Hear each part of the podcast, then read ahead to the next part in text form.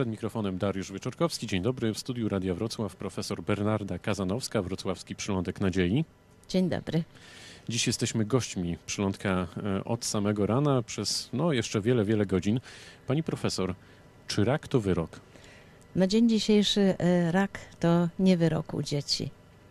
E, możemy powiedzieć, że przez wiele lat przełamaliśmy ten stereotyp, że rak to raktowy rok. W tej chwili dysponujemy takimi metodami leczenia, że ponad 80% dzieci jesteśmy w stanie wyleczyć z chorób nowotworowych. Różnie to bywa. Jedne się leczą lepiej, jedne się leczą gorzej, ale już w tej chwili możemy na samym początku rodzicom powiedzieć, że rak to nie wyrok. I że głowa do góry, bo te I... liczby są całkiem e, optymistyczne. Jak to się zmieniło przez lata Pani praktyki?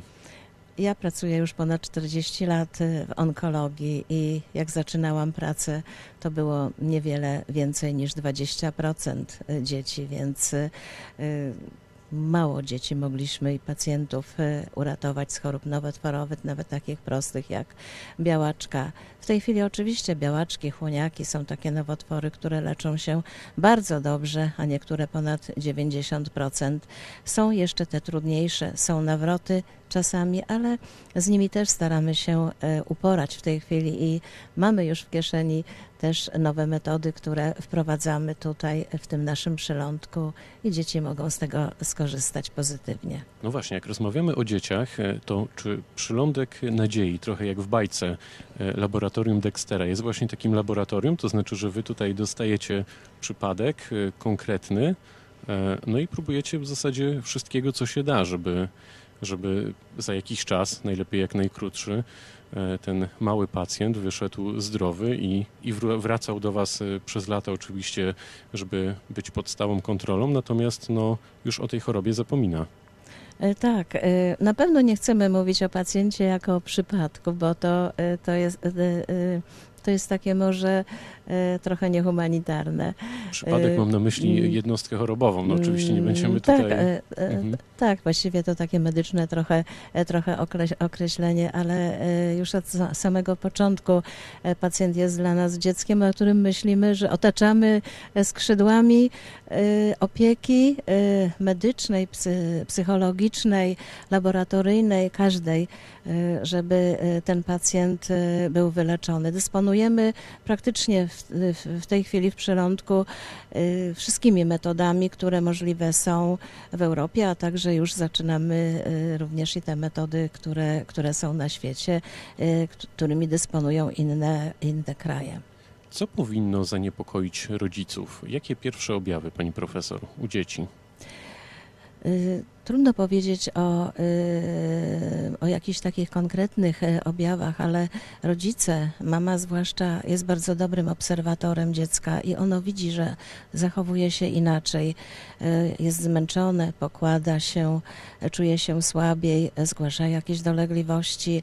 Mogą to być bóle najczęściej, bóle brzuszka, bóle głowy, Właściwie niektóre są bardzo niespecyficzne, ale y, mama wie, kiedy pójść do lekarza i mówi, że coś się z dzieckiem dzieje y, nie, nie tak. Oczywiście przy takich są różne nowotwory, zwłaszcza te, które dotyczą guzów, y, guzów litych, gdzie ten nowotwór rozwija się w środku bardzo skrycie i powoli te objawy występują bardzo, bardzo powoli i są słabo widoczne, więc mama musi zauważyć, że coś jest nie tak, a to, co jest najważniejsze, to, że lekarz musi posłuchać mamy i zwrócić uwagę na to, co ona mówi. Wtedy jemu y, zaświeci się światełko, że może to jest nowotwór i trzeba zrobić jakieś badania y, dodatkowe. Jak przylądek sobie radzi na co dzień z tymi, no tak to nazwę, paskudnymi chorobami. To znaczy, że przychodzą te małe, biedne, chore dzieci, pewnie z przerażonymi e, rodzicami. Jaka jest Wasza pierwsza reakcja? Jaki jest plan działania? Jak to wygląda w praktyce? Plan działania jest taki, że e, najczęściej ro- rodzice często wiedzą, że e, jest to podejrzenie e, nowotworu lub nawet jak zobaczą tą nazwę klinika onkologii, hematologii pediatrycznej, to na pewno przeraża. Dlatego pozwoliliśmy sobie na taką nazwę Przylądek Nadziei, która, która się sprawdza. Długo myśleliśmy nad tą, nad tą nazwą. Staramy się przede wszystkim do tych rodziców przy- podejść bardzo czule, opiekuńczo i od razu powiedzieć, że e, nawet jeżeli zdiagnozujemy nowotwór, to, e, to nie jest to właśnie e, wyrok e, śmierci. Staramy się podejść do, do dziecka nie tylko z punktu widzenia lekarskiego. Oni, oni, oni są w miejscu, które dla nich jest zupełnie nieznane. Oni się boją, nie wiedzą, co będzie. Dlatego mamy tak zwaną klinikę mentalną, która składa się z psychologów, którzy natychmiast są również przy pacjencie, bo lekarz musi zająć się e, merytorycznie, jak najszybciej zrobić badania, jak najszybciej porozmawiać e, z rodzicem, powiedzieć to, co jest e, ważne. Najczęściej jest to oczywiście bardzo traumatyczne dla rodzica i w tym momencie zjawiają się e, ci, którzy pomagają, a mianowicie e, osoby z e, kliniki mentalnej, osoby z fundacji, które, które spędzą z tym dzieckiem dużo, dużo czasu, żeby ono jak najmniej myślało o chorobie. Ci najmłodsi pacjenci są bardzo dzielni, paradoksalnie, a jak rodzice reagują? Jak, w jaki sposób, oprócz tego właśnie, o czym pani przed chwilą powiedziała, mm, próbujecie w tych rodzicach wlać e, optymizm, no i to, żeby oni też walczyli, żeby, żeby pozytywnie podchodzili do, do choroby. Na tyle, na ile oczywiście to możliwe. My jako, my jako lekarze musimy tą prawdę e, na samym początku e, powiedzieć i e, staramy się e, powiedzieć wszystko, co jest możliwe o danej, e, o danej chorobie rodzicowi. Zawsze e, tym, e, e, tym spotkaniom z rodzicem towarzyszy, e, towarzyszy psycholog i on się e, przysłuchuje, temu. Mówimy, e, e, mówimy o tym, co jest niedobre, ale zaraz potem e, mówimy o tym, co jest, co jest dobre, jak, jak to wszystko się leczy i jaki jest końcowy finał tego wszystkiego, że właściwie idziemy do celu dobrego. Czyli do tego, żeby się dziecko wyleczyło. Rodzice zadają natychmiast dużo różnych e, pytań, a czy były już takie dzieci, a czy zostały wyleczone, a czy takie jak moja córeczka, czy, e, czy mój synek, a, czy, a jak to będzie wyglądało. Tych pytań w pierwszym momencie jest, e, jest bardzo dużo. Oni niewiele zapamiętują e, z tego pierwszego takiego naszego spotkania, tylko mają w głowie to, co jest, to, to jest złe i tragiczne. Jakby. Więc my musimy natychmiast zadziałać, że tu sprawimy, że wszystko będzie e, dobrze szło i że będzie finał prawidłowy. No, z, pani, szczęśliwy. z, z pani twarzy tego słuchacze nie mogą zobaczyć, nie schodzi uśmiech. E, Jak rozmawiać o chorobie? Czy choroba to jest nadal tabu?